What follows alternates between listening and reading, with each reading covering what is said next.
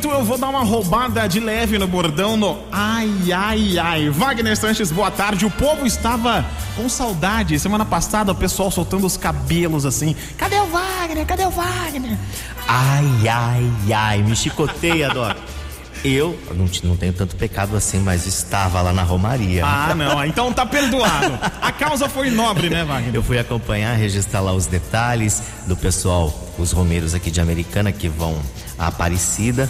E aí fui com o chefe, né? O Marlon também tava lá. Ah, só bacana. que o Marlon não caminhou, não, hein? Ah, não? Não. Olha, isso, isso aí dá até um tititi, hein? ai, ai, ai. Então estamos de volta com o nosso queridíssimo Vox Up. E o programa de hoje prometendo, a gente começa com o que, Wagner? Tem aquela história do espirro ninja. Tonute! Ai, ai, ai. E o Bambambam, muito conhecido da Siri, que atravessava a rua no sentido de seu carrão bem na frente daquela loja de finos. O Fuefo só não contava com a rádio patrulha. O figurão soltou um espirro tão forte que a sua prótese dentária foi ao chão. Olhou para os lados, agachando no meio da rua, meio assim despretensioso, pegou a dentadura, entrou no carrão e saiu cantando pneu. Aumenta no corega, Adamastor. Passado engomado. Acorda, Damastor! Vox Up! Vox! Vox 90! Ah, ou se não, vai pra opção do implante, pô. É, tem, então, tem porque a hora que, que, fizeram um videozinho, né? Ah, é? Tem é, isso? A hora que mostraram o videozinho, eu falei, mas esse esse bam bam bam. De nossa, já podia, é, podia estar tá tudo com as facetas, é, né? Tudo, tudo novo, bonito, é, brilhante, porque, né? Porque a Qué ali tem. Tem dinheiro, Com mano. certeza. Mas agora, ah, depois dessa, pode ter certeza que já deve estar tá providenciando, ah, viu? Com certeza. Já deve estar tá fazendo aquela avaliação odontológica bacana pra deixar tudo fixo de novo e espirrar à vontade. Eu já passei vergonha com o espirro, mas por outra situação, né? que a velocidade da coisa é muito rápida. É muito rápido. Aí, é às vezes, é, vou, vou falar que eu tô na hora do almoço, vai. Ai, ai, ai. O empresário Michael Costa, que é o diretor da Enzo, é aniversariante especial da semana. Michael, e essa comemoração?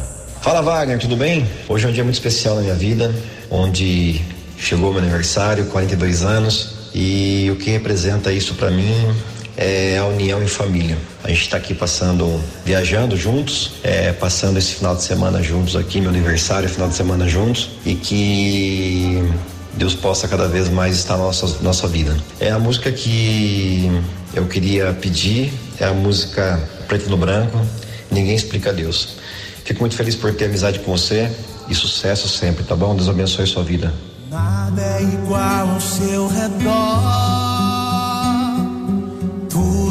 faz no seu olhar.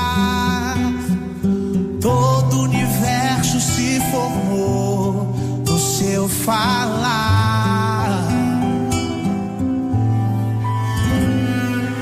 Teologia pra explicar, ou Big Bang pra disfarçar. Pode alguém quer duvidar? Sei que há um Deus a me guardar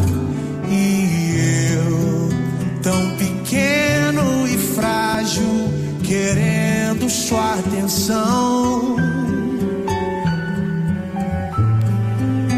No silêncio encontro resposta certa então. Ninguém explica Deus,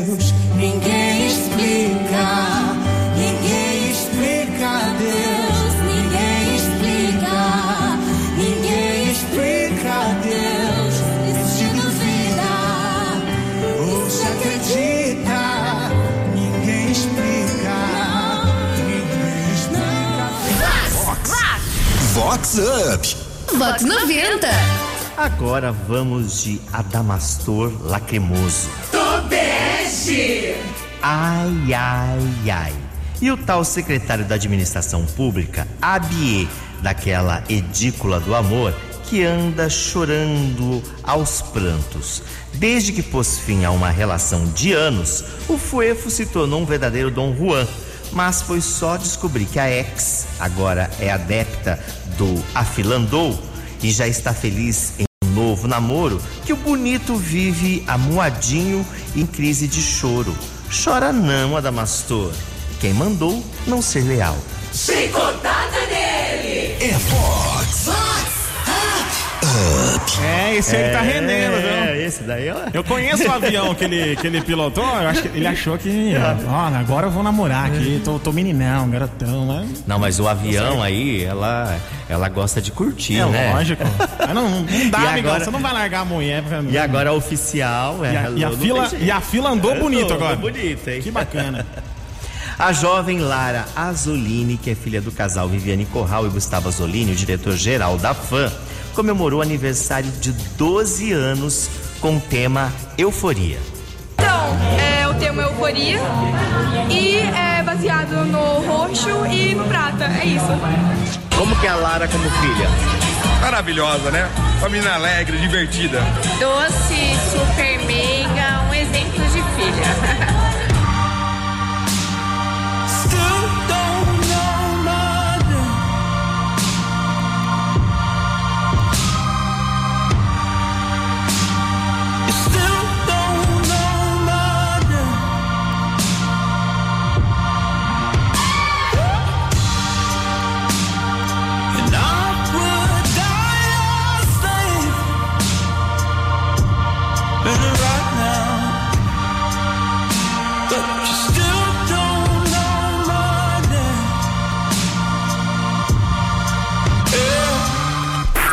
Vox Up.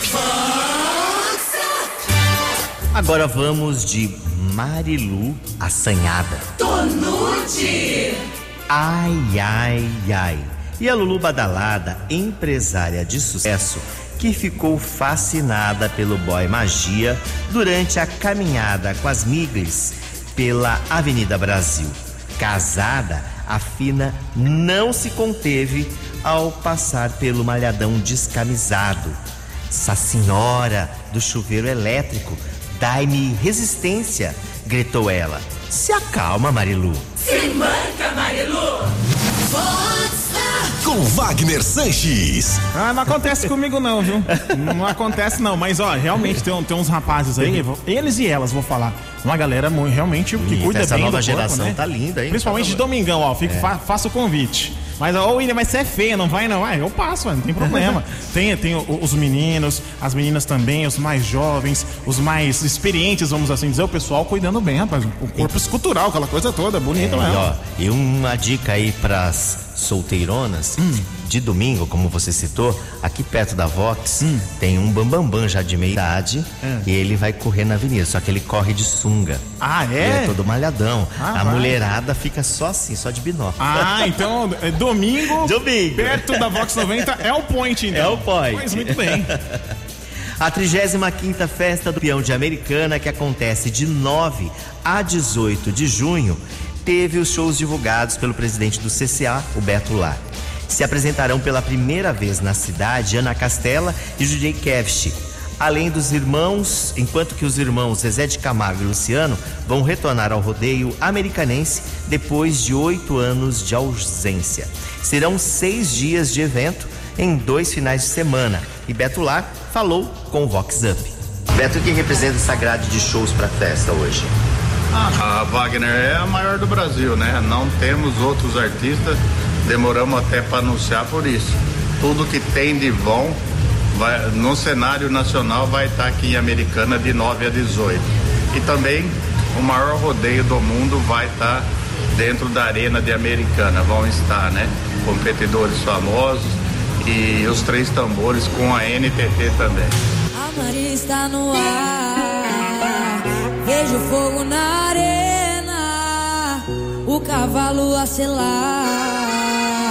Isso é coisa de cinema. Uma beca invocada. Um pingente no chapéu. Ouço uma oração. Sinto um pedaço do céu.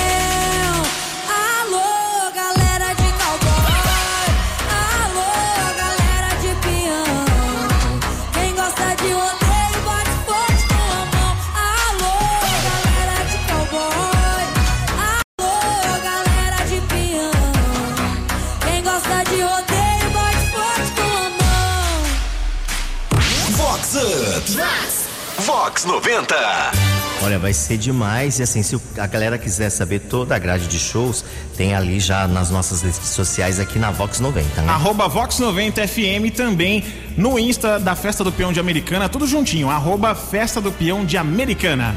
É isso aí. Agora a gente vai com aquela história da Marilu Espia Espia. Tobeste. Ai, ai, ai.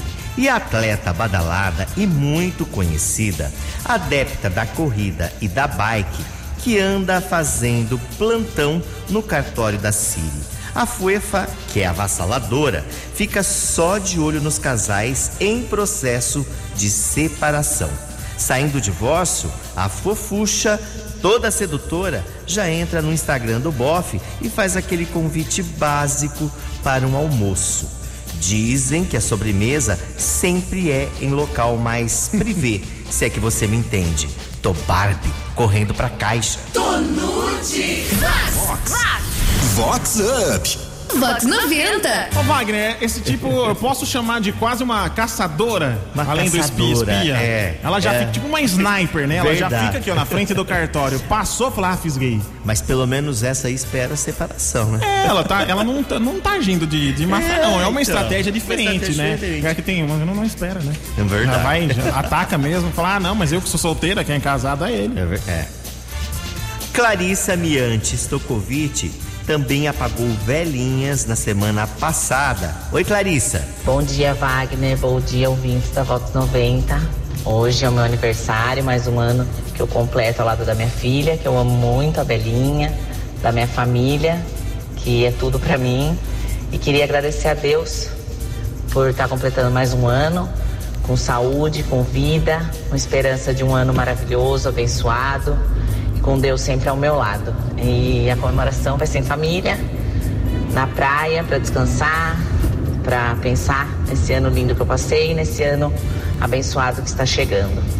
Obrigado pelo carinho, obrigada Wagner e a música que me veio à cabeça é Obrigado Deus. Um beijo a todos. Já parou para pensar as coisas que vem planejando aonde ele se encaixar? E se agradece todo dia que sua vida passa. Pois pode ter certeza que ele olha por você.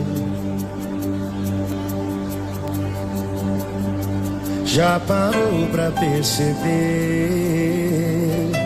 Tudo que ele faz por nós não pede nada em troca E quando tudo te fechou te abre novas portas. E quanto tempo do seu dia você tira pra poder agradecer? Abra o seu olho e vê que você hoje tem saúde, tem a paz, felicidade que nem todos podem ter. Cima que até chora quando vê você sofrer. Que escolheu sacrificar o filho dele só pra te deixar viver. E é tão fácil de dizer.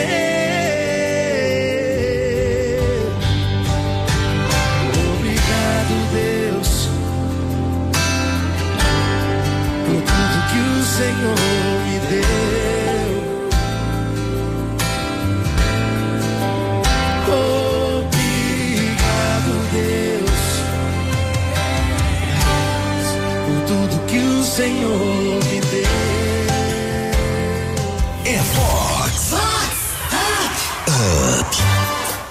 agora aquela história do mijão sem noção. Tô nude. Ai, ai, ai. E o herdeiro baladeiro que foi convidado a se retirar da festa bafo na cervejaria. O Fuefo estava ao lado dos banheiros químicos masculinos, mas preferiu desaguar no alambrado. A segurança foi acionada, mas o audacioso nem confiança. Resultado, foi escoltado para fora do fervo. Chicotada nele e com força. Chicotada nele. Vox Up. Que sem noção, hein? Totalmente sem noção, assim, com mulheres, tinham até crianças e tudo mais, é uma coisa E outra, nada a ver, né? O evento tinha uma, uma baita estrutura. Sim. É, é aquele evento, aquele. né? Aquele evento. Foi sensacional. tinha uma baita estrutura. Então, pra, pra que fazer isso? É, o povo tá perdendo a noção total. Não, mas Principalmente eu esses achei- riquinhos, filhinhos de papai. Eu achei que foi muito, foi de muito bom gosto, viu? Ah, o convite pra se retirar, Pra se retirar. da festa. Foi muito bom. É, a segurança tava impecável, arrasaram. Os irmãos Cauã e Nicolas Giglioli Balbinotti festejaram o duplo aniversário com pool party fervida em pleno domingão. O Cauã comemorou 16 anos e o Nicolas 17. A juventude da Siri marcou presença e os aniversariantes falaram com o Vox Up. Qual que é a proposta da festa? Cara, pra todo mundo voltar a ser criança, se divertir. Hoje em dia as festas é tudo parada, sabe? Hoje é a molecada voltar a se divertir, tudo sabão, aí uma bola. É isso. A gente só vai ver todo mundo curtindo, dançando e vai ser a melhor festa do ano. A música que a gente quer ouvir é a Lapada dela, do grupo Menos é Mais. Apaixonei por uma menina que tem 1,60m e uma tatuagem do seu ex. Ela é do tipo que acaba uma família, baixa encosta nela uma vez.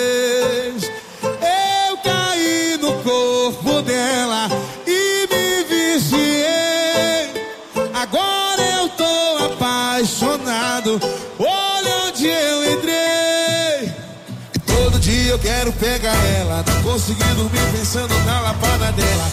Tô aqui pensando em cada movimento dela. Tu não pega ela, ela é quem te pega.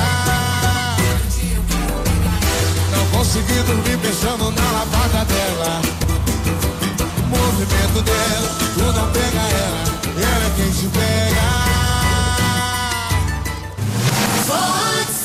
Com Wagner Sanches. E pra gente fechar, tem a situação do golpe das biritas. Topeste. Ai, ai, ai.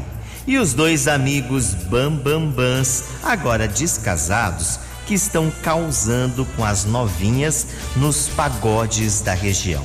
As Marias Combo, atraídas como mosca pela ostentação de muitas bebidas, paparicam os marmanjões que ficam com os egos inflados. Os figurões se acham e mal sabem que as piriguetes enchem o copo e vão levar os drinks para os novinhos, aqueles cafajestes e malhados lá do outro lado do salão. Se manque, Adamastores. Acorda, Damastor. Com Wagner Sanches. Você contou uma situação que é corriqueira, eu já vi É muito, viu? corriqueira, não O cara- adianta. Eu já vi, inclusive, vou, é, uma, é uma rápida aqui, no, no- um- ano passado, nos camarotes, a festa do peão e tal. Aí o cara acha que ele tá Que tá abafando. sensacional, nossa, e aqui, ó, e é, e é breja saindo, e é drink, coquetel saindo, e tudo saindo. E tá, Não. ban- e tá bancando a bebida pro peguete Tá tudo bancado, e o cara tá tomando free. Frio, né? Ah, é bom, né? É assim, né? Acorda, Damastor. Acorda, Damastor. E com essa, a gente vai chegando ao final, mas na próxima quinta tem muito mais. É, é véspera de feriado também? na próxima. Ah, confirmar. Deixa eu ver. ver. Peraí, peraí, peraí. Já tá aqui, ó, na mão. Aqui a gente faz ao vivo as coisas, não tem problema, tá tudo certo. Isso. Na, não na próxima, na outra. Na outra ainda, véspera é. de feriado. Lá A no gente- dia 20. a A, gente- próxima do dia 13, programação normal. Normal. Então, olha, curtam bastante o feriado, é, confraternizem assim com a família. Uma ótima Páscoa pra todo mundo. Muito chocolate? Muito chocolate. E assim, beijo no coração de todos. Tchau, Wagner, um abraço pra você. Até semana que vem. E pra fechar, quem que canta? Ai, ai, até esqueci. Rick Balada, tá todo mundo É, up. Ai, me deu, até me deu um tiro. Wagner Sanches tá up, Vox 90 tá up, up, up, com vocês. up, up, up, up.